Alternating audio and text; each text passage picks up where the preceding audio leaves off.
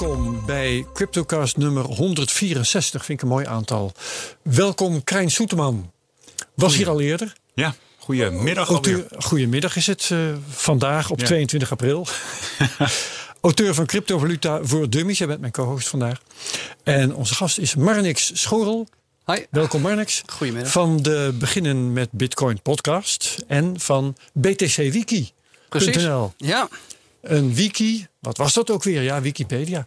Eh, waar eh, iedereen die daartoe komt stromen zijn eigen kennis mag bijdragen aan een nou ja, database met kennis van in dit geval Bitcoin en eh, ook andere crypto, neem ik aan. Hè? Dat, daar mag je vast Nou, ook wel. Nee, is het we gaan wel echt op, Bitcoin, hoor. Ja. Bitcoin? Oké, we houden het bij Bitcoin.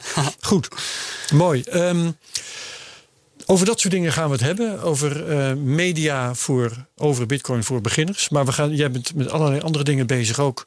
eh, die bijvoorbeeld met Lightning te maken hebben. Nou hebben we het daar vorig, vorig jaar, vorige week over gehad in de CryptoCast. Maar eh, de dingen waar jij mee bezig bent, kunnen we het echt vandaag ook nog wel even over hebben. En we gaan het hebben over podcasting 2.0. Zeker. Leuk kruispunt van interessante ontwikkelingen Ja, lijkt me hard nodig. het gebruik van Lightning en microbetalingen in de context van podcasting. Prachtig onderwerp. Ehm, wij geven hier geen beleg- beleggingsadvies, dat laten we over aan Amdax. Want de cryptomarkt professionaliseert steeds meer particuliere en ook institutionele beleggers nemen bitcoin, ook andere cryptovaluta op in hun portfolio. Om optimaal rendement te behalen en de risico's te spreiden heb je kennis van zaken nodig. Zeker in de relatief jonge markt die crypto is. Die kennis en ervaring deelt Amdax graag met je. Wat een private banker in de traditionele wereld doet, doen de vermogensbeheerders van Amdax in het crypto-domein. Zo. Eh, we gaan een quote kraken. En eh, dat is er eentje. Ik heb wel vaker, eh, maar niks van eh, BTC Wiki heb ik er eentje geleend. Ah. Want jij hebt ook een grote kolom met ehm, artikelen waarin misverstanden van over crypto, eh, bitcoin, pardon. eh, eh, wa- waarin die misverstanden worden gesignaleerd. precies. En die lijst wordt ook steeds groter. Dat Die is, lijst wordt alleen maar langer. Want ja. je, haalt er geen, je haalt er niks af volgens mij. Nee, precies. Die blijven gewoon staan. Inderdaad. En je behandelt ze ook heel uitvoerig. Want ik kreeg een tijdje geleden, ook via Twitter en zo, ehm, berichten over een lang document van Wim Boonstra eh, van de Rabobank. eh, waarin hij zijn bezwaren tegen Bitcoin nog eens uiteenzet. Dat heb je uitvoerig eh, gedetermineerd, mag ik wel zeggen. Klopt ja. ja. Nee, dit stond inderdaad op de site van de Rabobank een heel lang stuk. Het, het was Ja. een redelijk afgewogen stuk wel hoor. Ik bedoel, eh, hij nam wel meerdere kanten erin op. Maar er zaten toch ook wel een aantal quotes in waarvan ik dacht van nou, dat is toch niet helemaal van hoe wij bitcoin zien, zeg maar. Ja, hoe wij het doen. We pakken nieuwsartikelen. Ehm, ja, volgens citaatrecht mag je dan, dat dan niet integraal op de wiki zetten. Dus we pakken quotes inderdaad. Ja, die Ja. copy-pasten we eruit van waar we het dan niet mee eens zijn. En dan zetten we er gewoon onder wat wij er eh, van vinden, zeg maar. Ja. Met, eh, met, als het even kan, een linkje naar een pagina op de wiki waar we dan eh, het ook wat meer uitleggen. Precies. En eh, wij doen in Kraak de Quote vooral de feitelijke onjuistheden. Maar jij bent wat subtieler, want jij onderscheidt meningen. Jij onderscheidt misleidende passages. Jij onderscheidt echte onwaarheden. Mis ik dan nog dingen? Ja, nee, goed. We hebben inderdaad zo'n zo'n zo'n schabloontje inderdaad, waarmee we dan kunnen reageren. Fake nieuws is er ook eentje. Dat is wel Kijk. een heel pijnlijke inderdaad eh, om, om bij sommige nieuwsmedia neer te zetten. Doen we ook liever niet. Maar inderdaad, eh, inderdaad, het verschil tussen onjuist en wat maar een mening is, dat is wel belangrijk om te doen. Want ik was inderdaad ook met dat NOS-artikel bezig gegaan en ik had gewoon neergezet fout en fout en fout en fout. Ja, en toen kwamen er toch mensen terug die zeiden, ja, misschien moeten we dat gewoon even als ter informatie geven en niet dat keihard fout noemen. Ja, ik moet nog even iets uitleggen. Ehm, voor de videokijkers op YouTube. Wij zijn op YouTube, CryptoCast NL heten we daar. Maar niks is niet in beeld. En dat is omdat hij dat niet wil. Nou, dat is eh, je goed recht. Dus we hebben de camera die wordt getriggerd door Marnix' microfoon. Die hebben we gericht op een eh, paneel met eh, nou ja, wat vage video. En daar op de muur zeg eigenlijk maar. Maak wel een compositieschets. Ja, ja. Oh, als jij goed kunt tekenen, dan laat ik dat graag even. Oké, Kan nee, proberen. ja, eh kraak de quote. Een artikel van NOS.nl inderdaad. Eh, Bitcoins minen lucratief, maar de gevolgen voor de stroomvoorziening zijn groot. Ehm, wat eh, staan daar? eh, nou, het is vooral een professor Franken die daar zegt: circa 1% van het wereldwijde stroomverbruik gaat op dit moment op aan crypto mining. Als je kijkt naar de klimaatdoelen en de CO2-reductie waar men naar streeft, moet je je afvragen of het wel gepast is om dit op wereldwijde schaal te doen. Dat staat daar. En we hebben dat even nagekeken. Uh, Collega-redacteur uh, Daniel Mol van de Cryptocast heeft als cijfertjes nagekeken. Het stroomverbruik van Bitcoin wordt geschat tussen de 80 en 120 terawattuur. Wereldwijd ligt dat op een geschatte 25.000 terawattuur. Dus de bijdrage van Bitcoin is 0,4 procent. In ieder geval minder dan 0,5 procent durven wij te zeggen van het wereldwijde stroomverbruik. Daarmee is uh, die cijferbrei van professor Franken een uh, fout. En dat rechtvaardigt, rechtvaardigt dat wij hem hier Terecht. voor het voetlicht halen. Ik moest jou hier nog wat over laten zeggen, Krijn. Kan dat kloppen? Dat weet ik niet, maar dat. Oh.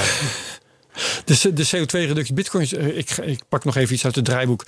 Bitcoin stoot tussen de 67, sorry, tussen de 47 en 67 miljoen ton CO2 uit.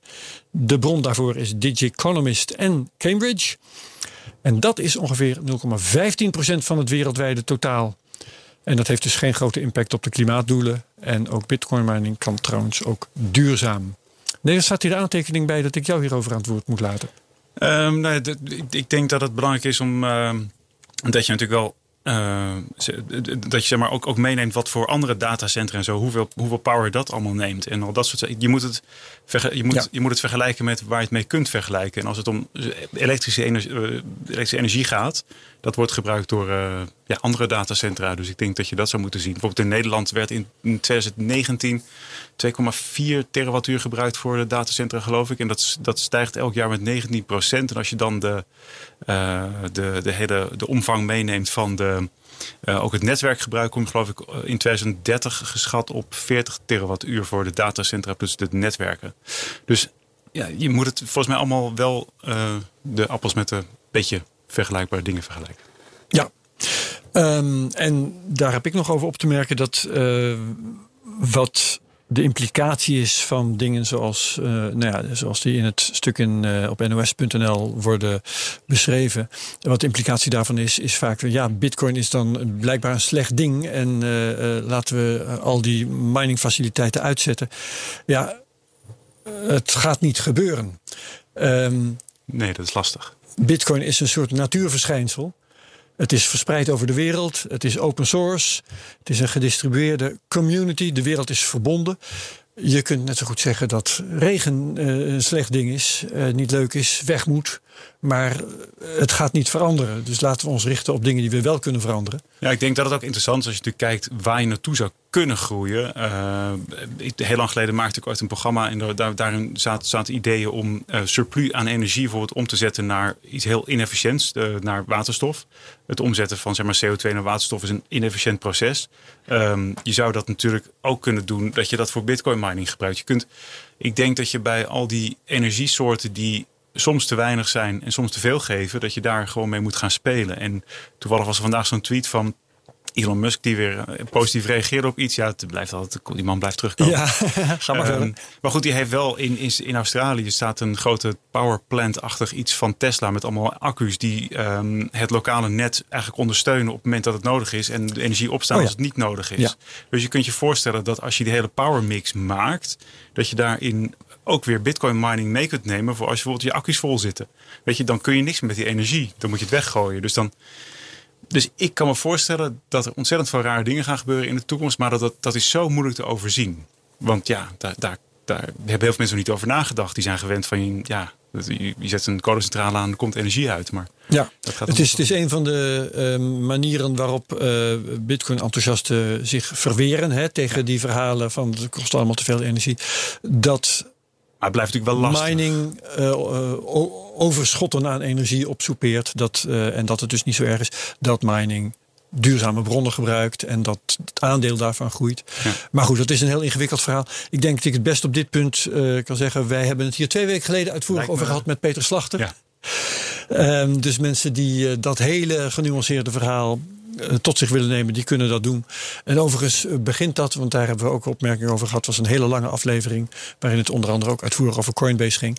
Uh, het uh, miningverhaal begint ongeveer op 55 minuten uit mijn hoofd gezegd. Dus dan kun je meteen daar naartoe fietsen. Um, jij zit nog naar een papiertje te kijken, maar niks. Is er nog iets wat jij hierover kwijt wilde? Of Nou goed, het energie. Zat je gewoon toevallig in die houding? nee, ik, inderdaad, ik heb gewoon het een en ander opgeschreven om het over te hebben. Inderdaad, het energiedebat blijft een heel interessante, vind ik. En ja. uh, het komt er eigenlijk altijd op neer van ja, vind je Bitcoin waardevol? Vind je Bitcoin wel Nou, waardevol? Dan uh, vind je dat misschien nuttig dat die energie ervoor gebruikt wordt. En vind je het niet waardevol? Ja, dan is gewoon iedere watt die erin wordt gestopt, is er één te veel. Dus, mijn- ja, en mijn- inderdaad, wat je zegt, die, die, die aflevering van twee weken terug, dat was, uh, was een hele goeie. Ja, mijn vergelijking op dat gebied is met eh, bijvoorbeeld autorijden of met vliegvakanties. Dat kun je waardevolle dingen vinden of waardeloze dingen. En als je ze waardeloos vindt, dan vind je dus een bezwaar dat er veel energie in wordt gestoken. Dat is naar mijn idee net zoiets. Maar goed. Ehm, zullen we het dus over de prijzen gaan hebben? Want dat vind ik eigenlijk ook wel een heel interessant onderwerp op dit moment. Namelijk op een moment dat eh, Bitcoin in een. eh, ja, een gat wil ik niet direct zeggen, maar eh, Bitcoin zich een beetje heeft vastgelopen en niet in beweging wenst te komen. Terwijl zojuist, ik weet niet eens of jullie dat weten, het is 22 april, het is 13 uur 51, zojuist heeft eh, Ether weer eens een all-time high bereikt. Oh, Van eh, 2348 is het laatste wat ik heb genoteerd. Misschien is het alweer meer intussen. in dollars denk ik. Dollars inderdaad. Eh, sorry, 2548. Want de 2500 hadden ze eerder al gehaald. Het is 2500, eh, bijna 2550 geweest. Ja, hoop Ehm, geld. Ja, dus een hoop geld voor één eter. Maar ehm, kan ik jullie, een van jullie aan het woord laten over de prijs van de bitcoin op dit moment? Maar niks past. Krijn? ja, prijzen, ik, het blijft lastig. Daar heb je mensen met geodriehoeken voor. Nee, hetzelfde inderdaad. Ik, ik ben daar niet dagelijks mee bezig. Het, het is, eh, het is op de lange termijn interessant dat we gewoon zien dat het omhoog blijft gaan. En ja, goed, dag- en weekkoersen. Vind je niet Het is wel even geinig om af en toe naar te kijken als het omhoog gaat. Maar ja, op de lange termijn kijk gewoon lekker naar de jaargrafiek. En dan eh, ziet het er eh, goed zat uit. Ja, ik moet wel zeggen, ik krijg wel een soort van rare FOMO weer met al die prijzen die alle kanten op stuiteren. Er zitten natuurlijk in meerdere van die eh, Telegram groepjes. En sommigen zijn heel erg alleen maar bezig met beleggen. En die hebben dus geen, geen ja, die interesseert het eigenlijk geen donder of hoe, hoe ethisch Wat het eigenlijk wat is het waar ze in aan het beleggen zijn. Als het maar omhoog gaat. En Ja. ja, ik, ik snap dat. Ik krijg wel een beetje jeuk ervan soms. Denk, ah, maar goed, ik ben gelukkig in 2017 heb ik een hoop geleerd. Oh, wat heb je toen geleerd? Vertel. Nou, eigenlijk in de, in de tijd daarna, zeg maar, toen ik eh, ook met dat boek bezig was van, ja, god, hoe werkt het nou? En ik, ik- uiteindelijk heeft het me vooral geld gekost, denk ik, het experimenteren met handelen, want ik ben helemaal geen handelaar. En ik denk dat de meeste mensen dat niet zijn. Dus, ik heb eh, dat ook afgeleerd toen. eh, kan je de hand geven wat dat betreft. ja, dus wat een goede leerschool. Ja, het percentage dat je wel eens voorbij ziet komen, ook met handelen, is dat 80% van de mensen verlies maakt. En ja, goed, dan kan je een van die vijf zijn die eh, dan net geluk heeft. Maar ja, En je hebt toch ooit zo'n mooi staatje gemaakt een tijdje geleden van. Ja, ja die, kan ik nog wel even, Bitcoin, eh, die kan ik nog wel even naar je opsturen, Herbert, voor in de show notes. Dat is inderdaad Ja. de top 10 van cryptomunten over de afgelopen, zeg, eh, 10, eh 12 jaar. En dan, Ja. ja. dan krijg je een hele hoop icoontjes van, van munten die je nog wel herkent van een tijd geleden. Ja, en je ziet bijna alles gewoon. Namecoin, Feathercoin. Ja, ja, precies. Peercoin. Je ziet alles de afgrond in donderen en, en Bitcoin blijft vier bovenaan staan. Ja, en Ether die hangt er inderdaad wel onder als iets minder jaar, maar ook wel een standaard nummer twee. Maar Ja. daaronder, daar, daar gebeurt een hele hoop, zeg maar. Ja. Nee, klopt. En dat valt mij op als je inderdaad de, de, zeg maar de top 10 van CoinMarketCap in de gaten houdt. Wat daar allemaal gebeurt. Eh, ja, je hebt voortdurend Bitcoin en Ether bovenaan staan. En het gebied daaronder, ja, daar is het een komen en gaan. Van Hesteller heeft daar een tijdje gestaan. Monero heeft daar gestaan. Die zijn al lang meer, weer weg.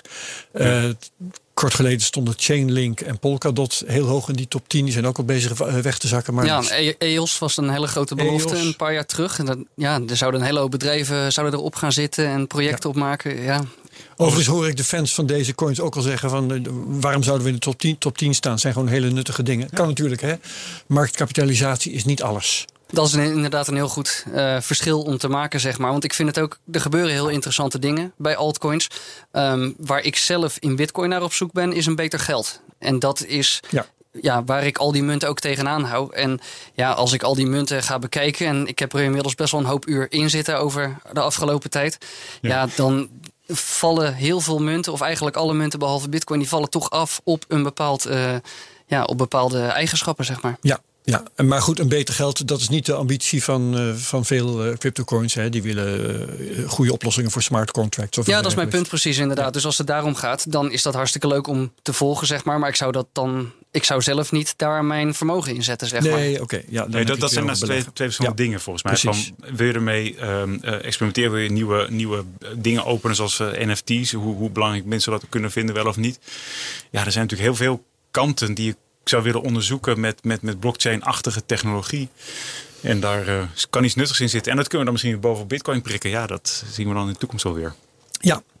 Ik stel voor dat we het gaan hebben over. Oh, nog eventjes zeggen wat betreft de kraak de quote. Mensen die eh, Oh ja. eh, leuke eh, foute berichten signaleren. Die kunnen ze aan ons doorgeven via Twitter bijvoorbeeld. CryptocastNL. En eh, wij maken elke week een selectie van. eh, als het even kan, één van die eh, berichten. Om hier te bespreken. Oké, ehm, nieuws. Maar niks bijvoorbeeld. Wat is jouw nieuws van vandaag? Ja, precies. Ja. Het zijn wel vrij roerige weken, moet ik zeggen, met, eh, met nieuws. Er Absoluut. gebeurt een hoop. En eh, ja, zeker als je af en toe nog eens op Twitter kijkt, dan gebeurt er een hoop. Maar wat voor mij opviel de afgelopen week, dat was eh, Venmo. De, een vrij populaire app in Amerika. Ja. ja, een beetje zo populair als dat wij hier Ideal gebruiken of, of tikkies naar elkaar overmaken. Is daar in Amerika is Venmo wel ja, een van die nieuwe hippe apps om, om geld peer-to-peer, Ja. of ja, nou ja, niet echt peer-to-peer natuurlijk, maar gewoon naar andere mensen over te maken. Ja, en wat die mogelijk hebben gemaakt is eh, nu het kopen van eh, Bitcoin. Het blijft daar wel binnen staan. Het is eigenlijk, het is ook een dochter van PayPal. Het blijft Ja. binnen dat ecosysteem blijft het staan. Dus je gaat geen Bitcoin overmaken of geen Bitcoin eh, Lightning invoices kunnen betalen naar anderen, zoals bijvoorbeeld Strike heeft aangekondigd. Maar ja, het is wel weer één grote partij, een grote naam met ja, een hele hoop gebruikers die, ja, die toegang krijgen om Bitcoin te kopen en mee te gaan op die prijsactie. Ja, zij doen in feite nu wat PayPal al deed. Hè? Eh, Precies. Ja. Bitcoin-rekeningen en eh, ook Ether trouwens, ook andere. ja, ze hebben er vier uit mijn hoofd Ja. inderdaad. Dus je had Bitcoin, Ether. Bitcoin Cash en Litecoin, geloof ik. Dat zou dus kunnen zijn inderdaad. Ja. Ja. Ja. een wonderlijke keuze weer voor Bitcoin Cash. Maar goed. Ja, Eh ja, kisten kijken waarschijnlijk ook naar CoinMarketCap of zo. ja ze zullen wel onderzoek hebben gedaan van waar is vraag naar binnen hun mensen. Ja. Ja, Ehm, en trouwens, eh, echte eh, crypto-enthousiasten die halen natuurlijk hun neus op voor het feit dat je eh, bitcoin die daar op jouw Venmo-rekening staat, dat je die niet ergens anders heen kunt overmaken. Die kan alleen maar weer terug de dollar in. Hè? Precies, ja, ja inderdaad. Dat is dat hele not your keys, not your coins. Inderdaad. Ik ben zelf ook wel fan van inderdaad gewoon zelf mijn eigen keys hebben. Wees je eigen bank. Zet dat in een, in een multisig-achtige oplossingen met wallets. Maar ik, ja, als we naar de toekomst kijken, dan moeten we ook realistisch zijn. In de toekomst, sommige mensen die gaan gewoon hun bitcoin bij een bewaarinstelling eh, neer willen zetten. Een, een bankachtige En partij. wachten tot die meer wa- waard wordt. Hoe zou je dat zien zeg maar, in de toekomst? Hoe, welk percentage van de mensen zou het daadwerkelijk zelf willen beheren? Daar ben ik wel benieuwd naar. Nou, ik denk dat we daar een verschil moeten maken in het aantal mensen en het vermogen. Want ik kan me heel goed voorstellen dat grote bedrijven, die gaan dat zelf willen regelen. Die hebben daar misschien dan eh, afdelingen voor Ja. of echte partnerships, zeg maar. En ja, de, de, de, de CEO die heeft een wallet en de CFO, eh, ja, een paar rollen die hebben dan een wallet in een multisig. En die kunnen dat regelen. Dat zullen grote bedragen zijn eh, die ze dan niet willen toevertrouwen aan grote bedrijven. Dus ik, ik vermoed dat... ehm, in, in het aantal, in de, in de grootte van het bedrag, dat, ja, dat daar de meerderheid eh self-custody zal zijn. Mensen die echt hun eigen keys hebben. Maar ik vermoed dat in het aantal mensen, dat, dat toch nog wel de meerderheid eh, naar bankachtige oplossingen zal gaan. gaan. Zie Omdat je het nog- zie nog een toekomst voor de traditionele bank? Eh, ja, als we inderdaad traditioneel definiëren als wat een bank vroeger was. Echt een bewaarinstelling en niet ja, de hele poespas die eromheen is eh, Ja. eh, gebouwd in de afgelopen 20, 30, eh, weet ik hoeveel jaar. Ja, en ehm, ja, voor zover er behoefte is bij het grote publiek aan eh, custodial wallets, die dus door een ander worden beheerd, kunnen banken dat natuurlijk heel goed gaan doen. Ja. Hè, dat zeggen wij hier eh, ook wel vaak tegen elkaar in deze Maar studio. ze worden natuurlijk wel heel hard ingehaald door allerlei andere instellingen die Ja, misschien wel binnenkort ook bank mogen noemen. Zichzelf. precies. Eh, dat wordt heel spannend of ze op tijd dan met dit soort diensten gaan beginnen. Ja. En als ze beginnen met een achterstand, of ze die dan weer kunnen inhalen, omdat ze natuurlijk de banken dus Maar een misschien gigantische hebben, ze customer base hebben. misschien hebben ze wel een hele schaduwboekhouding om het allemaal al te regelen. En op een gegeven moment als mag, dan is het klik. Knop aanzetten. Ja, je weet wel dat een heel hoop kunnen. bedrijven hier, of eh, banken hier gewoon mee bezig zijn. Eh, Ja, we hebben, onlangs, hè, ik weet niet of je die als bank mag beschouwen eigenlijk, maar eh, die hebben al gepubliceerd dat ze misschien toch wel een procentje bitcoin gerechtvaardigd vinden in een beleggingsportefeuille. Ja, precies. Ja, in, in die kant van de markt inderdaad. Er wordt een hoop aan gewerkt. En we hebben ook de afgelopen jaren van banken wel nieuwsberichten gehoord van ja, wallet-apps vanuit je bank. En ja, ik bedoel, het zijn wel vertrouwde namen, de banken nog. Voor, ja, zeker in Nederland zijn dat wel Daarom. vertrouwde, vertrouwde bedrijven die wel kennis hebben van ja, veilig dingen opslaan. Dus eh, Ja. ja. waarom niet? Ja. Krijn Soeterman, wat is jouw nieuws? Ja, ik was dus. ehm, ik kwam, een berichtje was er gisteren volgens mij van het OM over dat er ehm, eh, geld in beslag was genomen, veel cashgeld en natuurlijk ook eh, cryptovaluta. Ehm, dat in hun eigen bericht werd dat niet zo heel erg belicht, maar in het bericht wat eh, in andere media terecht kwam, stond natuurlijk heel groot cashgeld en cryptovaluta in beslag genomen. Eerste zin, het gaat direct over crypto's. Ehm, maar er stond bij dat de hoeveelheid crypto eh, was toegenomen ten opzichte van 2019, wat in 2020 in beslag genomen was. Nou, toen vroeg ik me natuurlijk af van, klopt het? Eh, is, is, zijn er dan crypto's die bijvoorbeeld misschien in 2016 eh, Ja. misschien zijn buitgemaakt en pas nu verkocht worden? Dus is het daarom een hoger bedrag? Ehm, dus daar had ik de, de OM even voor benaderd. Ehm, en ik heb dus net een reactie gekregen, dus daarom zat ik net op mijn telefoon te staren. Wat leuk, ja. Ehm, eh, in 2018 zijn er blijkbaar 105 bitcoins in beslag genomen. In 2019 106. Door het, ehm, nou, dat, dus dat was natuurlijk een, toen een stuk lager. Gemiddelde verkoopprijs van ongeveer 8000 euro. In 2020 werden afgerond 200 806 bitcoins in beslag genomen. De verkoopprijs lag in 2020 op ongeveer 7,5 miljoen euro. Met een gemiddelde prijs van 9300 euro per stuk.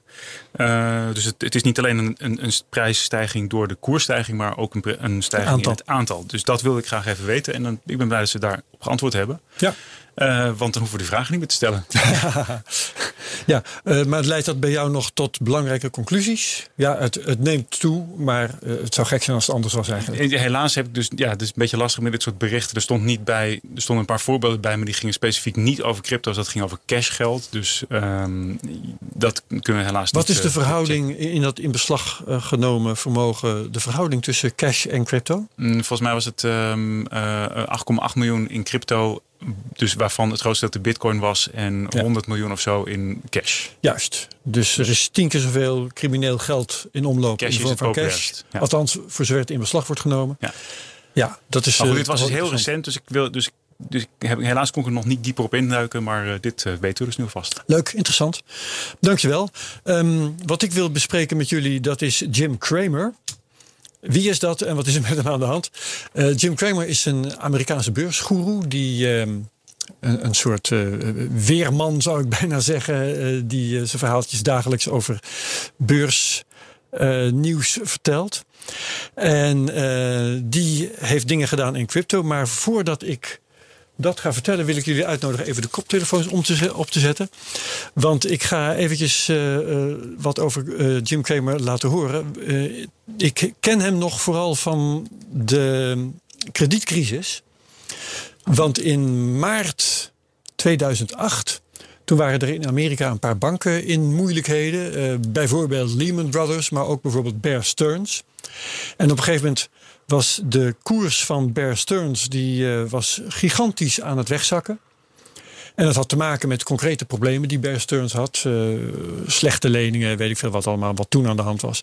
En Jim Cramer die verscheen toen op televisie met het volgende betoog. Kijk of ik hem aan de praat. Ja hoor, Peter writes, should I be worried about Bear Stearns in terms of liquidity and get my money out of there? No, no, no.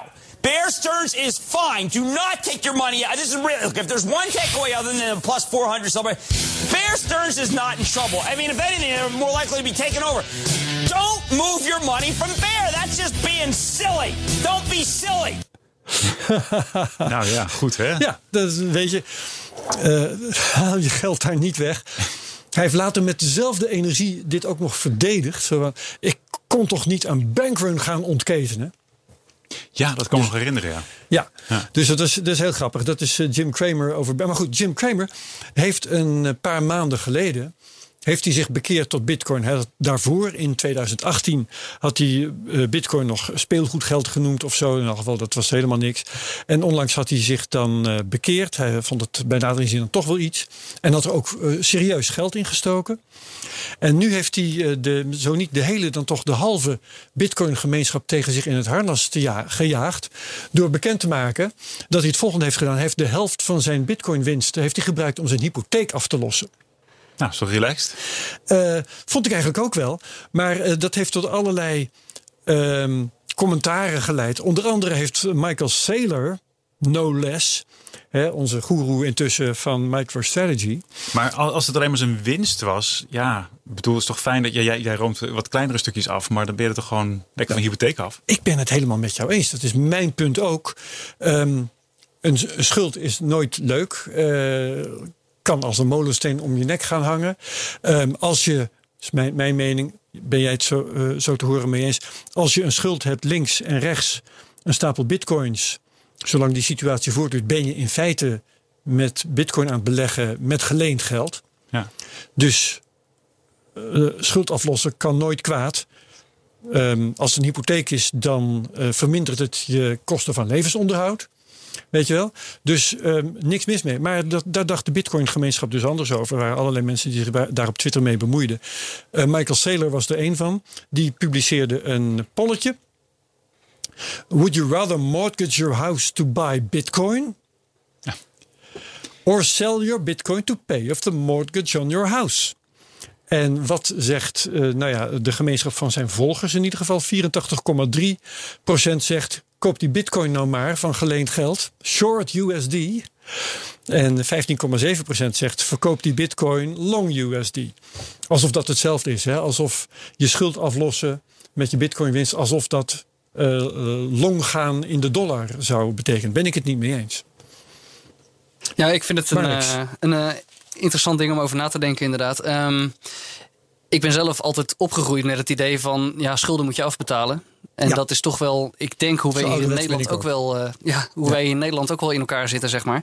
Ehm, zelf doe ik dat ook. Ik vind het wel leuk om die verhalen te horen van mensen die inderdaad vol leningen nemen om eh, te kopen. En, en logisch gezien is het ook de betere optie, als je heel eerlijk bent.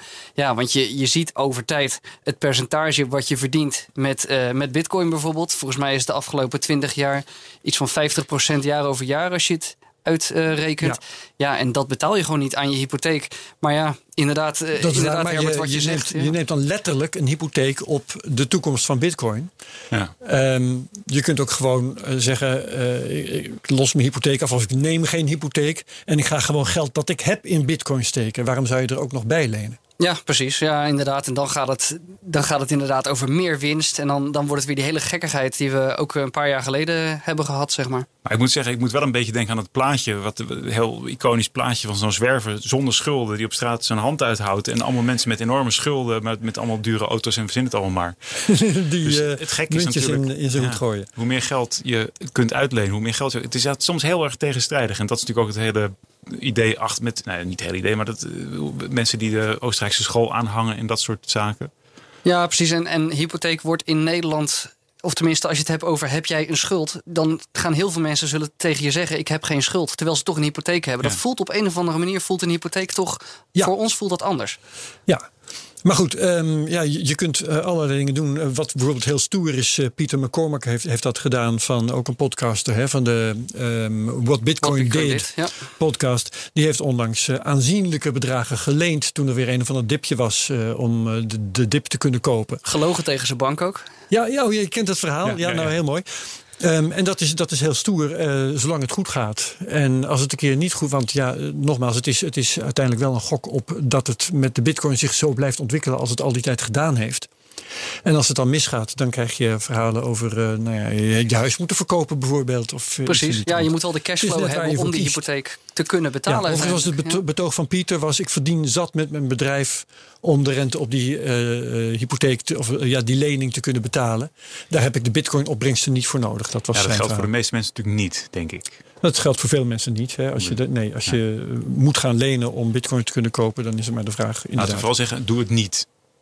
Precies. Ik, zeg, doe het eh, niet. Mijn persoonlijke, voor zover, wij geven hier geen beleggingsadvies trouwens, maar zover wil ik eigenlijk nog wel gaan. Dat is Ja, niet, Oké, dit, is, dit, is, dit is geen advies, maar dit is een... eh, het is een commando, ja. het is helemaal geen advies. Het is gewoon een, eh, bevel. Ja, oké, eh, tot zover het crypto nieuws. Wil je meer crypto nieuws, dan hebben we ook nog altijd een crypto update elke week op de woensdag op de radio. En ook als podcast. Ga ervoor naar bnr.nl of naar je podcast app. Oké, we gaan het eh, hebben over waar jullie eigenlijk voor komen. We gaan lekker praten over eh, bitcoin en vooral over eh, een paar dingen die jij doet. Maar niks. Ehm, ik wil eigenlijk eerst van jou weten. Krijn is hier al eens eerder geweest, maar jij niet. Hoe ben jij ooit met crypto in aanraking gekomen? Ja, dat is alweer even geleden. Dat was eh, Dat hoop ik eind, voor je. Ja, eind 2010 kwam Mooi. het eh, voorbij. Ja, ik zat Echt dan wat vroeg. meer in eh, wat van die crypto-groepen en IRC-kanalen en Jij dat soort zaken. eerder? nee, hij een jaar Hij eerder. eerder dan jij. Ja, Precies, ja. En toen heb ik Ja. begin 2011, wat ik nog kan terugvinden, heb ik mijn eerste Bitcoin-node opgezet. En toen heb ik ongeveer ook eh, Bitcoin gekocht. Ehm, ja, mijn eerste Bitcoin kocht ik voor 76 eh, cent per stuk. Ja, wat dus dat waren, waren andere tijden. En toen zag ik dat dat, eh, ja, dat was toch een derde in waarde gestegen. Dat, dat rare muntje. Ehm, en toen was het een dollar waard. En toen dacht ik, ja, nou op deze prijs, eh, veel gekker gaat het niet worden. Ik heb het allemaal verkocht. Ja, Ja, ja, ja. ja zo leer je. Ik, Hè? ik was er al bang voor. Ja, inderdaad. Ja, eh, maar mooi. Eh, maar ook zelfs in dat vroege stadium al een node opgezet. Precies, ja, dat was toen inderdaad een, een Bitcoin-node. Bitcoin Core was dat toen nog. Eh, het vinkje zat er toen nog in dat je gewoon met één vinkje mining aanzette. Dat is, eh, dat is tegenwoordig niet meer zo. Oh, echt? Ja, ik heb goed. nooit een, een blok gevonden. Ik, ik draaide het Nee? ook niet 24-7. maar In het die was, tijd had het nog wel gekund. dat denk ik wel. Ja, Ja. ja. dat waren eh, inderdaad andere Maar tijden. waren er toen al mining pools? Ja, er waren Dat wel pools inderdaad. Ehm, GPU's begonnen toen, denk ik. Eh, ja, goed, tegenwoordig is dat niet meer te doen natuurlijk. Maar dat was, waren toen andere tijden. Dat was toen een Bitcoin-node. Ja, en Lightning kwam een stuk, eh, stuk later. In 2018 heb ik toen mijn eh, eerste Lightning-node opgezet. Ja, ja, ja. Leuk, Ehm, daar komen we straks vast ook nog wel op. Ehm, op dit moment ben jij de man achter nou, de BTC-wiki, bijvoorbeeld. En dan beginnen met Bitcoin podcast. Maar eerst even die BTC-wiki. Ehm, vertel maar zelf wat het is. Ja, inderdaad. eh btcwiki.nl dus. Eh, het is een wiki zoals je Wikipedia kent. Eh, voor alle informatie. Maar goed, hier gaat het dus over Bitcoin. Het is echt eh, puur op Bitcoin gericht. In het, ja, met het idee van Bitcoin ook achter zich. Open source, eh, deelinformatie en dat soort zaken. Het komt eigenlijk bij mij er vandaan omdat er heel veel mensen, heel veel beginners kwamen met dezelfde vragen bij mijn podcast vandaan. En ja, de, de vragen die, die werden ook vrij veel herhaald, zeg maar. Nou, en, en een deel beantwoord ik dan in de podcast. Maar tekst is toch wel vrij toegankelijk, zeg maar. En zeker als je snel wil opzoeken, dan is zo'n Ja. wiki toch wel heel handig om naar te, te wijzen. En toen heb ik gewoon eens wat rondgevraagd in wat van die, van die eh, Telegram-groepen, waar Krijn het eerder ook al over had. Van, joh, heeft, hebben daar mensen zin om daaraan mee te doen? Want dat vind ik leuk, altijd eh, communities bij elkaar brengen. Ja. En inmiddels zijn we met een best wel een, een groep, zeg maar. We hebben 140 mensen in de Telegram groep zitten. En er zijn 32 mensen die actief al bijdrage hebben ge- gedaan aan een wiki. En ja, dat, dat groeit toch best wel hard, Ja. zeg maar. En moet je een autorisatie hebben? Want, want het, eh, de grap in elk geval van- met Wikipedia in zijn oorspronkelijke vorm was dat iedereen die daar langskwam, die kon gewoon een pagina maken of Kan een pagina steeds. editen, kan nog steeds. Ehm, is dat bij jou ook zo? Of moet je horen bij die groep die je hebt gevormd? Precies, ja, nee, je moet wel een accountje aanmaken via, eh, via Telegram. Eh, maar goed, dat, je, je stuurt gewoon een berichtje naar me en al die links die staan ook op de wiki. Iedereen die is welkom om eh, dat te doen. Het is vooral om spam tegen te gaan, want er zijn een hele hoop eh, spammers Ah, die, Ja. die toch op wikis springen. Maar altijd. je hoeft geen examen te doen in bitcoin kennis of in schrijfvaardigheid. Nee hoor, nee, nee, zet het er gewoon op en dan, ja. ja, dan, dan doe je mee met een groep en dan kan je je kennis delen. Ja, ehm, maar wie, wie controleert, misschien moet ik gewoon zo vragen, controleer jij dan nog of het allemaal wel klopt? Eh, nou, ik ben niet de, de poortwachter zeg maar, voor, de, voor de wiki, zeg maar, hoe het werkt. Je vraagt dus een accountje aan eh, via Telegram bij mij en dan geef ik jou gewoon eh, een accountje. Dat, iedereen die, krijgt dat gewoon die dat wil. Ehm, vanaf dan kan je inloggen op de wiki, aanpassingen doen. En het leuke is dat iedere aanpassing die komt ook terug in die Telegram groep. Dan zie je gewoon, user X heeft eh, pagina E veranderd. Nou ja, daar kan iedereen dan op klikken en eh, bedenken van, eh, zijn we het daarmee eens? En ja, we hebben bijvoorbeeld... een paar mensen die, die kijken puur op taal. Die, zijn niet zo, die zitten niet Ah, zo. heel diep in, in Bitcoin. En dan ja, die klikken gewoon op alle, op alle edits die ze zien. En dan eh, checken ze even of dat klopt. Ja, en Krijn stak zijn gezien. vinger op. Jij, jij loopt de taal daar te controleren? Ik, ik, ik heb van, ik, nou, ik heb wel dingen toegevoegd ook, maar ik doe vooral dat ik eh, de- ja, taaldingetjes doe, omdat ik dat gewoon een beetje ook natuurlijk een onderdeel van mijn gewoon dagelijks werk. Dus dan denk ik wel eens, ach. Maar er zijn wel van die, mooie discussies inderdaad over hoe schrijven we nou eh, Bitcoin, blockchain, is het aan elkaar Met een hoofdletter, ja of nee? ja, al dat soort dingen. Ja, ja, dus dat zijn eh, leuke discussies. Ja. Ja, Dus interessant. je- ja, taalverrijking. Ja, en hoe lang bestaat de BTC-wiki nu?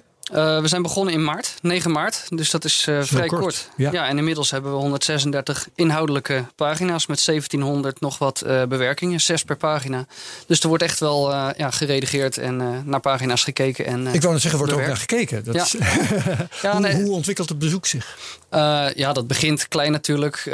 We merken dat we per dag tussen de 50 en 150 bezoekers hebben. Dus dat vind ik, vind ik een best mooi aantal, zeg maar. En we gebruiken analyse software die we zelf hosten. Dus dat gaan we niet aan, aan derde partijen geven, zeg maar. En ook al stuurt een bezoeker maar iets van... ik wil niet getracked worden of ze hebben iets van een blokker... dan gaan we dat ook niet proberen te omzeilen. Dus dit zijn echt Nee. alleen de mensen die... eh, ja, zonder, eh, zonder een groot schild eh, naar, eh, naar de site komen. Maar dan, dan blokkeert er ook niks met de meeste software als je alles zelf host. Nou, je hebt wel eh, zeker adblockers die, die blokkeren ook wel een hoop van die tracking. Het is Piwik, het systeem wat erachter zit, Ja. of Matomo, zeg maar. En eh, Ja. dat wordt toch wel herkend en eh, ja, Oké, nou, geblokkeerd door een hoop eh adblockers en eh, Brave browser en dat soort zaken. Die houden dat tegen, ook al host je het zelf. ja, raar. Oké. Jij wou nog wat vragen? Oh Ik nee, dat, je ademhalen. ja, nee, ik zat te denken van ik gebruik zelf de privacy badger van de EFF. Ja. Eh, Ja. En omdat ik die Electronic hebben, een, die Frontier Foundation. hebben een soort van idee erachter van als je op een als je niet trackt, maar wel dingen wil weten van mensen, dan mag dat binnen bepaalde voorwaarden. En dat vind ik redelijke voorwaarden. Dus dan, ja, dan mag dat van mij. Ja. Ehm, de, dus het is wel grappig bij zo'n wiki. Mensen voegen informatie toe die ze kwijt willen. Eh, bezoekers die komen daar omdat ze vragen hebben. Ehm, heb je het idee dat dat goed op elkaar is afgestemd? Wat mensen kwijt willen, stemt dat ook overeen met wat de bezoekers willen weten? Eh, dat blijft altijd een lastige inderdaad. We houden niet zoekopdrachten bij wat dat betreft. En we kijken ook niet of mensen dan wel of iets, iets niet vinden wat ze wel hadden willen zien. Ja. Wat we wel Nee, tegen iedereen zeggen is. klachten kunnen krijgen of verzoeken van bezoekers. Of iets Ja, ja, goed. Wat we tegen iedereen zeggen is van joh, we zijn op die wiki, eh, of oh, sorry, op die Telegram, op die groepschat zijn we te vinden. En als daar vragen komen, dan gaan we die ook niet proberen in de groep te beantwoorden, maar daar een pagina van te maken. En wat is nou de meest bediscussieerde lemma? Ehm, nou, ik weet wat de meest eh, Of gewijzigde? populaire pagina's zijn. Ja, goed, de hoofdpagina is natuurlijk als vanzelfsprekend Ja. het, meest, eh, het meest populair, zeg maar. Ehm, de, de mythespagina die staat op nummer twee. Dat is toch een vrij lang eh, stuk geworden al met ja, toch al een hele hoop zaken die je terug blijft zien komen. Eh, het energieverbruikartikel is een, eh, een vrij fel bediscussieerde. En Ja, maar niet te snel. over. Daar hebben we het trouwens net over gehad. Maar die, wat is de, de belangrijkste mythe over crypto? Voor Bitcoin? Ehm, na de laatste tijd gaat het toch ook wel heel veel opnieuw over bitcoin is voor criminelen. oh, dat. Ja, dus daar hebben we dan een hoofdstukje van met een aantal bronnen erbij van joh, onderzoeken van, die, eh, van, van, van een aantal bedrijven die wel duidelijk aangeven dat het eh, wel meevalt. Ja, kun je nu aan toevoegen wat Krijn net heeft achterhaald: hè, dat er tien keer zoveel euro's in beslag worden genomen van criminelen als bitcoins. Nou, In waarde dan gemeten. bijvoorbeeld. Ja. En, en wat, is het, wat is het gekste lemma? Wat is, wat is nou, waar is- wat is nou echt wat, iets waarvan je zelf dacht van... Dit wist ik ook niet. Stond dat überhaupt nog? Ehm, ja, goed, een hele hoop onderwerpen heb ik natuurlijk al wel behandeld in de podcast, zeg maar. En ben ik zelf ook wel ingedoken. Ik wil ook voor de wiki nog wel meer induiken in wat meer ge- ja, geavanceerde eh, zaken, zoals een schnorr en een taproot en dat soort eh, verbeteringen. Voorlopig is het best wel eh, een hele hoop basiskennis die te vinden is op de, op de wiki. En om het echt ook toegankelijk te houden. En uiteindelijk groeit dat vanzelf door. Maar ja, ik denk zeker de wiki is nu een, ja, een, go- een goed basisplatform voor eh, kennis. Ja, en, en wat het meeste opvalt, dat blijven toch die nieuwsberichten. Want dat is toch ook wel een groot deel van de, van de site, zeg maar. Ja, Ja. ja. en Taproot. ehm vaktermen gaan we nog niet op in. Maar eh, die staan hier ook op de nominatie om eh, besproken te worden. Dat even voor onze luisteraars. Ehm, zullen we het eens even hebben over de podcast? Want de podcast was er dus eigenlijk al eerder dan de wiki. Ja, precies. Ehm, Mei 2020 begonnen. Mei 2000. Mei, oh ja, oké, precies. Dus eh, bijna een jaar nu. Ehm, waarom is een podcast. Van, eh, dat, dat verbaast mij. Waarom is een podcast eh, geschikt om beginners te informeren? Dat vond ik wel een spannende vraag, omdat ik het meest geneigd zou zijn om te gaan lezen over Precies. eh, crypto. Ja, nou het idee achter de podcast is inderdaad gewoon per aflevering een onderwerp kunnen doen. En het handige is, of tenminste ik word zelf altijd wel blij van podcast en gewoon eh, dingen kunnen luisteren terwijl ik eh, wat kook, zeg maar. Ja, Ja, dat en, en dat wordt tijdens het. Of eh, ja, lezen en koken tegelijk, dat is eh, een wat grotere uitdaging. Dus ik vind dat zelf heel, heel erg prettig. Dus ja, dat was het idee achter de podcast. Ik ben zelf heel erg fan van het platform podcasting. Dus inderdaad, eh, ja, die informatie, hij moest er gewoon uit. Dus ja, ik ben gewoon, ik heb een microfoon gekocht en ik ben er begonnen tegen te praten. En dan is het per, per, per aflevering is het een onderwerp, zoals wallets en blockchains en transacties. En dan kan je ook lekker terugverwijzen als je het over de aflevering over blockchain hebt bijvoorbeeld, kan je ook lekker terugverwijzen naar de aflevering over transacties bijvoorbeeld. Ja. Maar was dat iets waarom gevraagd werd? Of was het ehm, dat jij het graag in deze vorm eh, kwijt was? Ehm, nou, dat, dat, dat was al een eigen idee inderdaad. Ja. En eh, ja, gewoon inderdaad wat ik zeg, die drang om eh, informatie te delen, dat, eh, ja, dat werkt dan toch op zo'n manier. Ja. En dan wil je op een gegeven moment En wat. nu na een jaar eh, eh, kun je ook vaststellen dat het in een behoefte voorziet? Ja, ja, we hebben heel veel eh, luisteraars en ook de community die daar dan weer omheen groeit, die, eh, die groeit heel hard. We zijn verdubbeld sinds eh, januari in ledenaantal. En de community, bedoel je de Telegram Ja, community? hè? precies. Ja, dus op Telegram hebben we dan een groep waar iedereen gewoon eh, door elkaar heen eh, praat.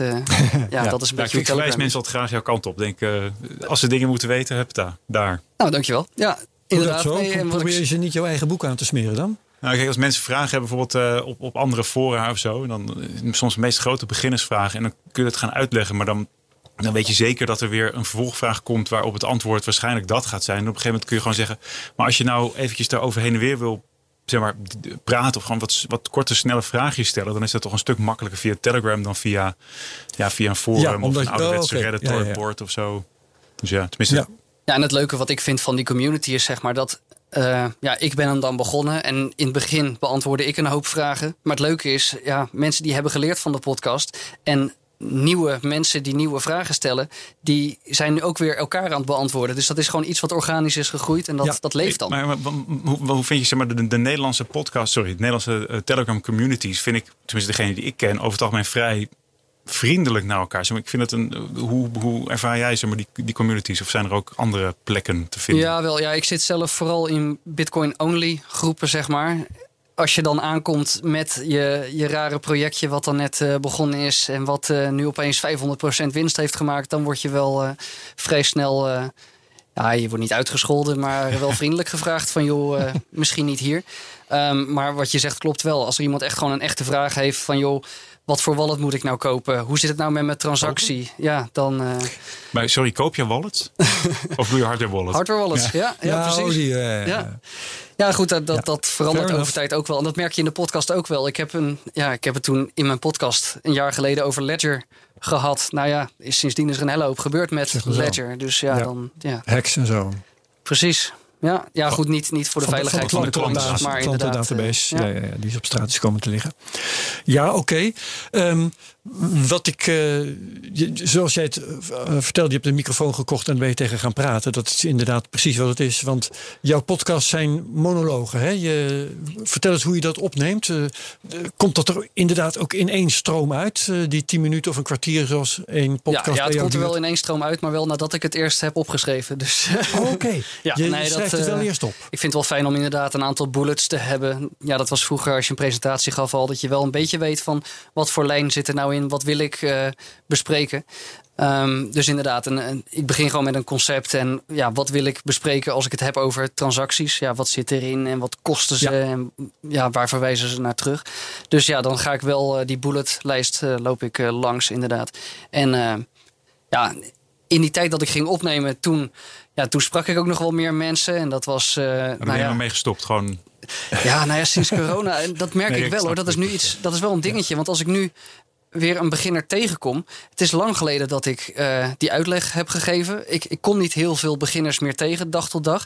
Dus je hebt die gesprekken minder. En dan, dat maakt het wel lastiger om het eh, uit te geven. Heb, oh, heb uit je- te leggen. Heb je dingen die je nu anders zou doen dan toen je er ooit mee begon? Zeg maar bepaalde onderwerpen waarvan je denkt van nou, die zou ik eens opnieuw moeten doen.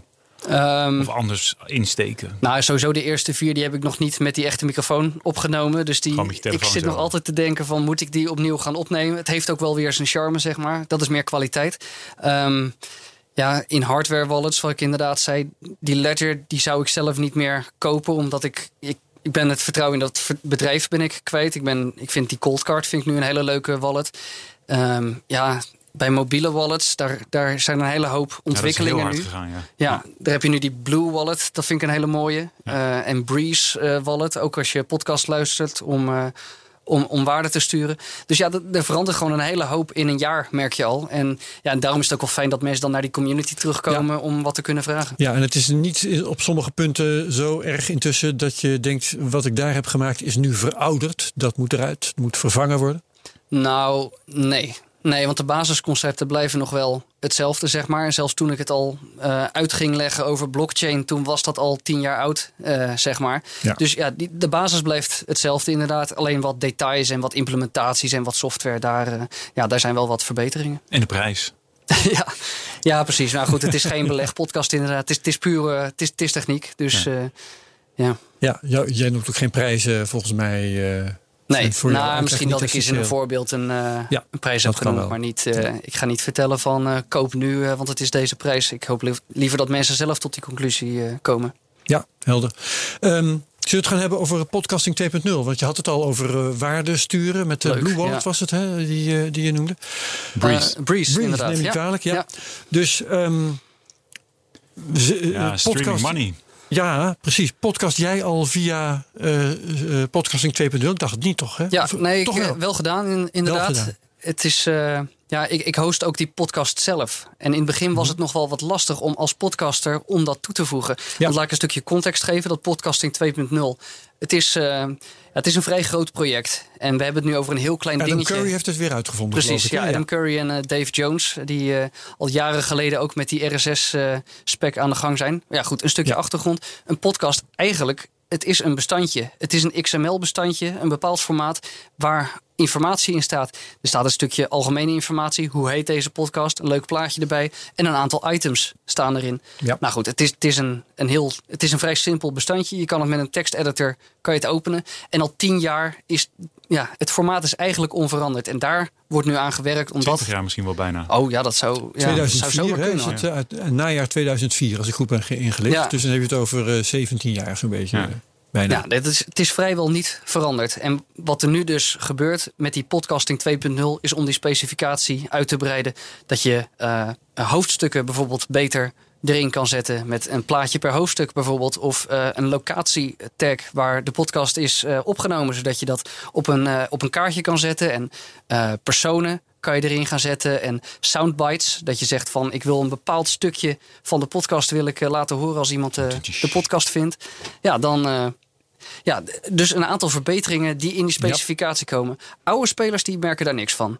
Die kijken gewoon. Die kijken gewoon oude, ja, inderdaad. Oude podcastspelers die merken daar niks Dus van. dan is het Ja, downward compatible, heet het dan geloof ik, hè? Backwards. Backwards, ja, ja, Backwards, precies. ja, die, ja, eh, precies. die hebben er allemaal geen last van, van die, nieuwe, van die nieuwe tags, zeg maar. Maar goed, een van die nieuwe tags dus, die je als instructie in je podcastbestand kan zetten, dat is die eh, value tag.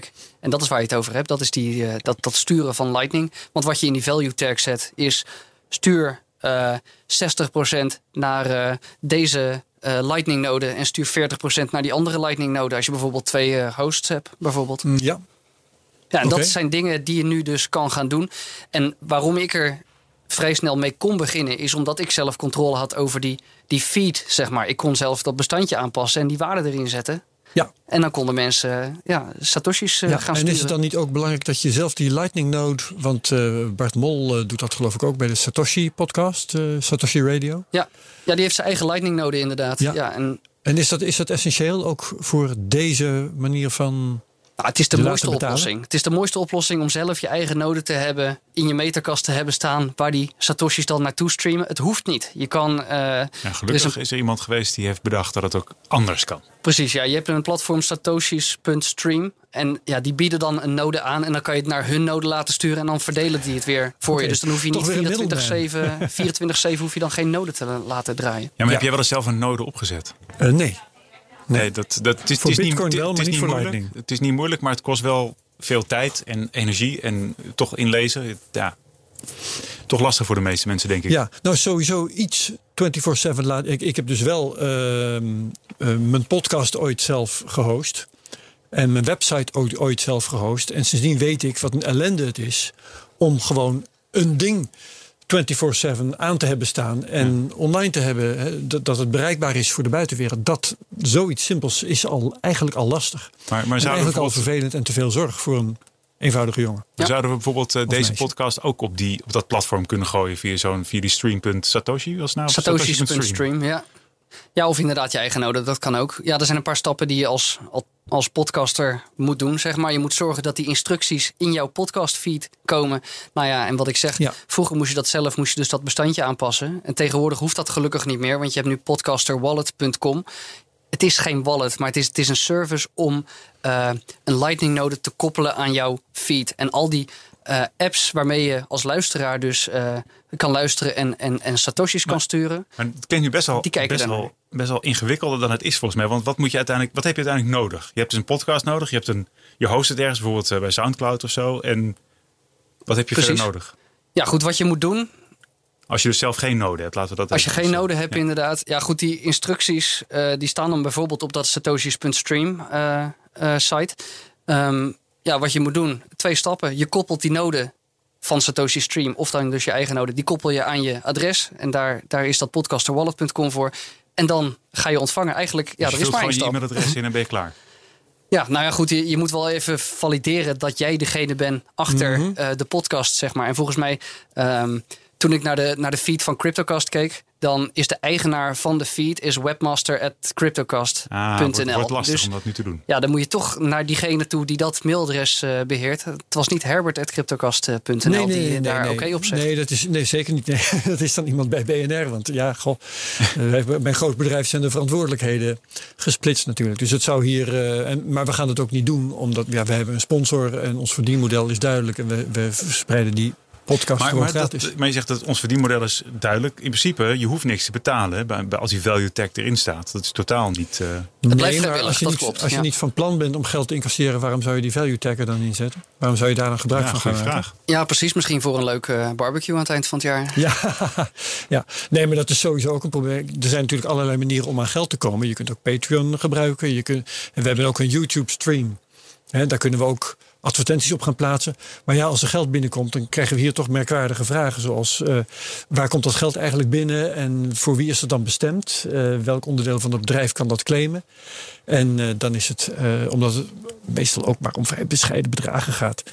eh, is het makkelijker om het niet te doen dan om het wel te doen. Ja, precies. Ja, en, voor bedrijf. independent podcasters of ja, Daar hoe is noem je dat? voor natuurlijk. Ja, mensen die dit gewoon zelf doen. Ja. Ja. daar is het veel leuker voor. Die ook lagere kosten hebben. Dus dan ben je er ook sneller Ja. uit. Ja, en het is gewoon, ja, voorlopig, het is ook maar beginnen. Er zijn nog maar twee, drie apps die het ondersteunen. Waar, waar een luisteraar dit kan gaan sturen. Je hebt Breeze, je hebt Sphinx en je hebt eh, Podfriend uit mijn hoofd. En volgens mij Podstation ook nog. Dat is een, een Chrome plugin. Maar goed, het, het is op één hand te tellen, Ja. zeg maar. Dus Maar je moet ehm, nog we één ding nog niet besproken, want het is ook nog eens een keertje, het is betalen per minuut, hè?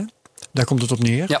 Ehm, maar dan moet je, neem ik aan, ook ergens een tarief invullen. Wat je, wat je eigenlijk wilt hebben per minuut. Precies. Ja, nou goed. En, en wat Krijn ook al zei, het, het is vrijwillig. Ik bedoel, je, Ja. je kan gewoon eh, luisteren. Dus eh, ja, het is, je hoeft niet Het te betalen om af te spe- eh, spelen. Oh, het is vrijwillig van de kant van de luisteraar. Die, Precies. ehm, oh, Dus daar... dus eh, moet, die, moet die een tarief invullen? Want ik dacht even dat je als maker een tarief van dit wil ik hebben van mensen die gaan luisteren. nou, je kan een Heel suggestie dus doen. Ja? Dus die kan worden overgenomen inderdaad. En ehm, ja, er zijn twee, twee instellingen die je meestal in die apps kan doen. Je kan zeggen hoeveel wil ik per minuut eh, sturen als luisteraar. En dan kan je die, ja, die suggestie die zou je wel of niet mee kunnen nemen, die podcaster geeft. En je hebt boosts. Dat is de andere kant. Dus je kan inderdaad, elke minuut kan je wat streamen. Maar sommige mensen die zetten die waarde helemaal op nul. En die sturen alleen maar boosts. En een boost is gewoon, ik heb net wat leuks gehoord. Plop, Hup. stuur wat eh ernaartoe. En dan komt er een, een stukje confetti in je, eh, in je speler. En dan eh, heb je wat gestuurd. Maar is er ook een voordeel aan dat per minuut, zeg maar? We kunnen niet gewoon aan het eind alles gewoon accumuleren en dan gewoon plop in één keer. Is, heeft, dat, heeft dat minuutgebeuren ook nog iets zinnigs in zich? En die boosts op bepaalde momenten? Nou, ik vind het leuk om als, als podcastmaker om die betalingen binnen te zien druppelen. Ja, goed, dat is alleen maar leuk. En voor de rest, er zit ook een klein stukje metadata in iedere betaling. Van op deze minuut is dit afgespeeld. En op deze minuut is er zoveel waarde gestuurd. En zo kan je als podcastmaker, krijg je ook beter inzicht in hoe je podcast geluisterd wordt. Misschien worden je advertenties wel altijd overgeslagen, bijvoorbeeld. Ehm, ja, en, en dan kan je ook gewoon nog zien wat werkt er. Ja, dan moet je dan zelf is beslissen wat je hoe- daarmee hoe doet zit het dan natuurlijk. met privacy? Eh, er zit geen identificerende informatie in. Dus het is echt gewoon. ehm, ja, je bent deze podcast aan het luisteren. Eigenlijk wist je dat al, want ja, als, als ontvanger, er werd voor jou betaald. Dus je wist dat het over jouw podcast ging. Maar goed, het gaat over die podcast, deze aflevering. En op dit eh, tijdspunt is er wat gestuurd. Nou, dat, daar zit niks identificerends in. Ja, en podcastspelers die kunnen in de toekomst gaan beslissen ehm, om daar berichtjes bij te zetten of om wel iets identificerends erin te zetten. Maar zoals het Dus- nu dus- is dus geïntegreerd, op is dit dat moment, niet. Op dit moment kan zeg maar een podcastmaker gewoon zien van... oh, dus eh, dit stuk is eh, duidelijk heel vaak afgespeeld. Daar is duidelijk geskipt. Ehm, en dan hoef je dus geen enkele andere informatie te hebben... dan het feit dat er dus 10 satoshis per minuut zijn binnengekomen. Dus eigenlijk Precies, is- ja. that's it. En als er iemand als er op één plek heel vaak geboost is... Ja, dan was dat van, kennelijk eh, Dan was dit ja. blijkbaar het moment van de podcast. Ja. Maar Krijn, eh, antwoord op jouw vraag kan ook zijn: ehm, waarom zou je dat per minuut doen? Eh, als een soort geruststelling tegenover de luisteraar, dat als hij ophoudt met luisteren, dat hij ook niet meer betaalt. Ja, maar ja, ik, ik gebruik het zelf dus eh, ook al een tijdje met een paar podcasts waarbij het kan. En in het begin was het wel zo dat die Breeze app eh, per ongeluk steeds per ongeluk boost gaf als je hem dan weer opnieuw opende. Dat probleem is geloof ik inmiddels uit. Dus het, het is allemaal nog wel wat aan, aan de beta kant. Maar je betaalt in principe niks als je het op nul zet. Dan kun je gewoon Nee, dat luisteren. is waar. Ja, ja. En dat was ook weer een vraag die ik dan weer aan jou heb, maar niks. Of misschien weet u het allebei wel. Ehm, als je een podcaster bent en je wilt hiervan gebruik maken en je wilt gewoon betaald worden. En als je niet betaalt, dan luister je maar niet. Kun je dat ook instellen? Nee, dat zit niet hierin. Dus het is echt puur vrijwillig, zeg maar. En dat, en Ja, dat vind dus ik eigenlijk vind ik een dat ook wel mooi. donatiesysteem. Ja. Ja. het is echt het, het ja, Adam Curry noemt dat dan eh, value for value. Dus ja, luister de podcast, bedenk wat het voor je waard is en stuur dat dan terug eh, Ja. naar, eh, naar de maker. Toch is het grappig, hè? Want Adam Curry zit, zit in mijn geschiedenis zit die natuurlijk als de, de, de, de presentator van Countdown, denk ik. Ja, ja, ja. ja. Dus ja, dat, eh, ik vind het wel grappig Maar dat dan die, heb je het over de 80s. Ja, met haar tot over de schouders. Ja, en de MTV-tijd had hij eh, natuurlijk ook. Maar goed, het is wel degene geweest die als eerste bedacht. Misschien kunnen we wel MP3-bestandjes Ja, in. RSS-feeds eh, zetten. Dus ja, ze noemen hem de potvader. Ja. de Ja, originele klopt. bedenker. Een originele bedenker. Ja. Even kijken, doe jij ook eh, zelf mee aan de ontwikkeling van podcasting 2.0? Ja, ik eh, reageer, of ik zit in die communities wel. Eh, het is ook een podcast zelf. Podcasting 2.0 is een podcast waar ze iedere week vertellen van... eh, ja, hoe, hoe, hoe staat het er nu eh, voor? Ja, wat, wat Meta, beter medium meta. natuurlijk dan, eh, dan podcasting... om over je podcast te vertellen. Het wordt heerlijk Precies. meta. Maar ze hebben inderdaad een, een GitHub repository... waar iedereen gewoon zijn commentaar op kan geven. En ik heb wel wat van mijn ideetjes daarin gezet. En een van de mooiere dingen vind ik nu dat er... ehm, het wordt mogelijk om niet te linken naar één MP3-bestand, maar naar meerdere. En wat dat dan weer mogelijk maakt, is dat je decentraal kan gaan hosten. Je kan dus linken naar een, een IPFS. Bestand. En IPFS, dat is het Interplanetary File System. Een decentraal gehost eh, ja, bestandsnetwerk, zeg maar. Maar als die even Ja. niet werkt of er langzaam is, dan kun je bij spreken toch weer stiekem van je AWS pakken. of ja, zo. terugroepen naar je standaard host, zeg maar. Dus ja, dat soort verbeteringen, dat, dat vind ik hartstikke leuk van dat soort decentralisatie.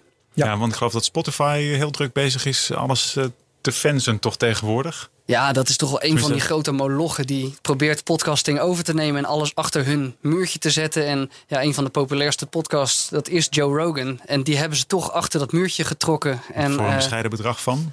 Ja, 100 miljoen Ja, dacht ik. gigantisch wel. Ja, precies. En zo koop je de, zo koop je de markt wel stuk Ja. natuurlijk. Dus ja, intussen ik hoop gewoon dat... de meest controversiële afleveringen van zijn podcast eh, eh, offline te keeperen.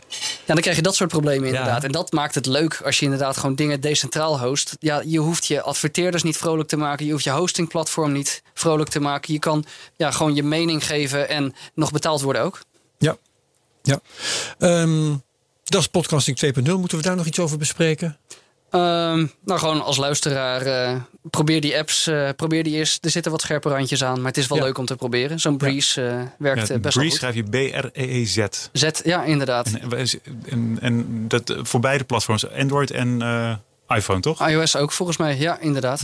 En je, ehm, dat pod- hele podcasting 2.0 werkt volgens mij ook via Lightning. Hè? Daar hebben we het over gehad. Eh, moet je daarvoor dan zelf nog Ah, ja, bepaalde, ma- een bepaalde maat een bepaalde wallet hebben bijvoorbeeld? Ja, daar, daar zit wel nu nog de complexiteit. Ik denk dat dat voor, zeker voor niet-Bitcoin-luisteraars, wel de grootste hobbel is. Want ik zie de podcast waar dit nu het meest succesvol is, dat zijn de Bitcoin-podcast. Ja, want mensen die hebben dat spul nou eenmaal al. Ja. Ehm, als je inderdaad eh, dit wil gaan luisteren, dan heb je wel Bitcoin op die Lightning-laag heb je nodig inderdaad. Dus dat moet al in een wallet zitten op een of andere manier.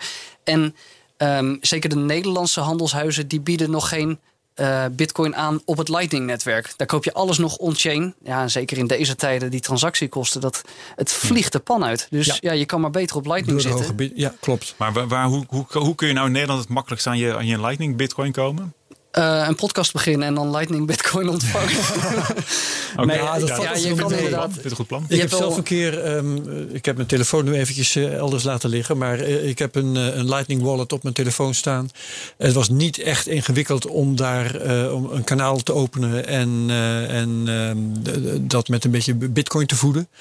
Dus al met al was Nee, dat het is niet zo geen heel moeilijk ingewikkelde inderdaad. Procedure hoor. Nee, maar goed, Herbert, je jij bent dan begonnen met, ja, je bent begonnen met on-chain Bitcoin en die heb je dan Ja. in een kanaal gezet. Dus die heb je op die laag van Lightning gezet. En een mooiere toekomst is in mijn ogen als je gewoon direct die Lightning Bitcoin koopt. Ja, want nu kost het je een paar euro om zeg maar die Lightning, sorry, die Dat Lightning waar. Bitcoin te krijgen. En dat is Precies. Nou goed, er zijn wel een paar exchanges die het al aanbieden. Oké, Coin en Bitfinex. Ja, Eh, een Kraken paar buitenlandse doen, partijen. Ja, Kraken die Ja. heeft, eh, die heeft Maar het aangekondigd. hoog tijd dat het in Nederland gewoon via Ideal Hupta. Precies. Ja, gewoon bij de, de partijen die we kennen, dat we daar eh, gewoon eh, Ja.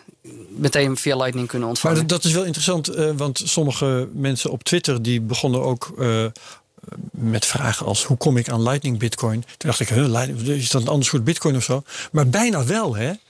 Jij, Ja. jij praat er zo ook over. Je moet wel Lightning Bitcoin hebben. Precies, ja, het is echt een ander soort transportnetwerk. Want het bouwt allemaal inderdaad wel op die eerste laag. Het bouwt wel echt op echte bitcoin. En dat zijn het ook. Ja. Maar ja, je moet het wel in zo'n smart contract hebben gezet. Je moet wel eerst een transactie hebben Ja, gedaan. Je, kunt het, je kunt het dus zelf doen zoals ik heb gedaan. Dat je gewoon eh, zelf die Lightning Wallet voorziet van eh, een beetje Bitcoin dat ergens anders vandaan komt. Maar Ja. ehm, Maar de, maar de meeste... nu met wat moeite, maar in de toekomst makkelijker kun Ja. je die, de Bitcoin meteen op de Lightning laag. Maar bijvoorbeeld Blue. Wallet of en ook volgens mij Breeze en, en Wallet of Satoshi en zo, die zijn allemaal, als je daar gewoon Bitcoin on-chain naartoe stuurt, dan kan het allemaal, hoef je daar verder niet zoveel voor te kunnen om dat op de, om te zetten naar Lightning Bitcoin. Maar ja, dat nou is... goed, eh, het, ja, je moet soms nog wel een beetje van de concepten weten, Ja. inderdaad. Het is En- een dingetje. Maar het wordt wel, eh, het wordt wel steeds makkelijker. En zo'n zo'n Breeze wallet, die werkt ook alleen maar met Lightning, zeg maar. Je ziet alleen maar, je ziet één, eh, één saldo en dat zijn je Lightning Bitcoin. Als je er on-chain wat naartoe stuurt, zetten zij dat voor je om in Ah. Lightning Bitcoin. En zij openen ook een kanaal naar je toe. Merk je allemaal niks van als je dat, eh, eh, die app downloadt. Maar ehm, ja goed, een stukje user interface, dat is toch nog wel iets waar... eh, ja, daar is het nog wel te winnen, zeg maar. Ja.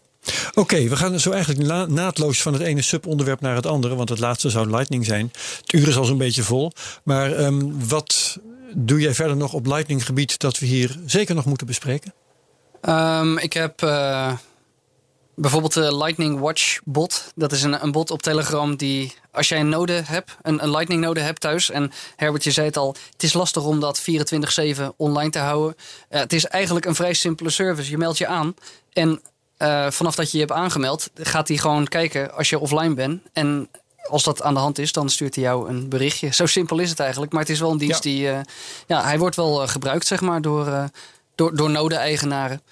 Ja, want je het- hebt, eh, dat, dat zit ook zeg maar die hele graaf zeg maar, van al die Lightning nodes in Nederland zitten. Ja, dat is wat ook, anders. eh, Ja, ja ook, dat zijn inderdaad bordjes die ik eh, op Telegram heb. Want ja, we hebben een, een groep op Telegram, Lightning NL heet dat dan. Daar zitten een hele hoop uh, uh, mensen bij elkaar die met Lightning bezig zijn. Ja, een paar honderd.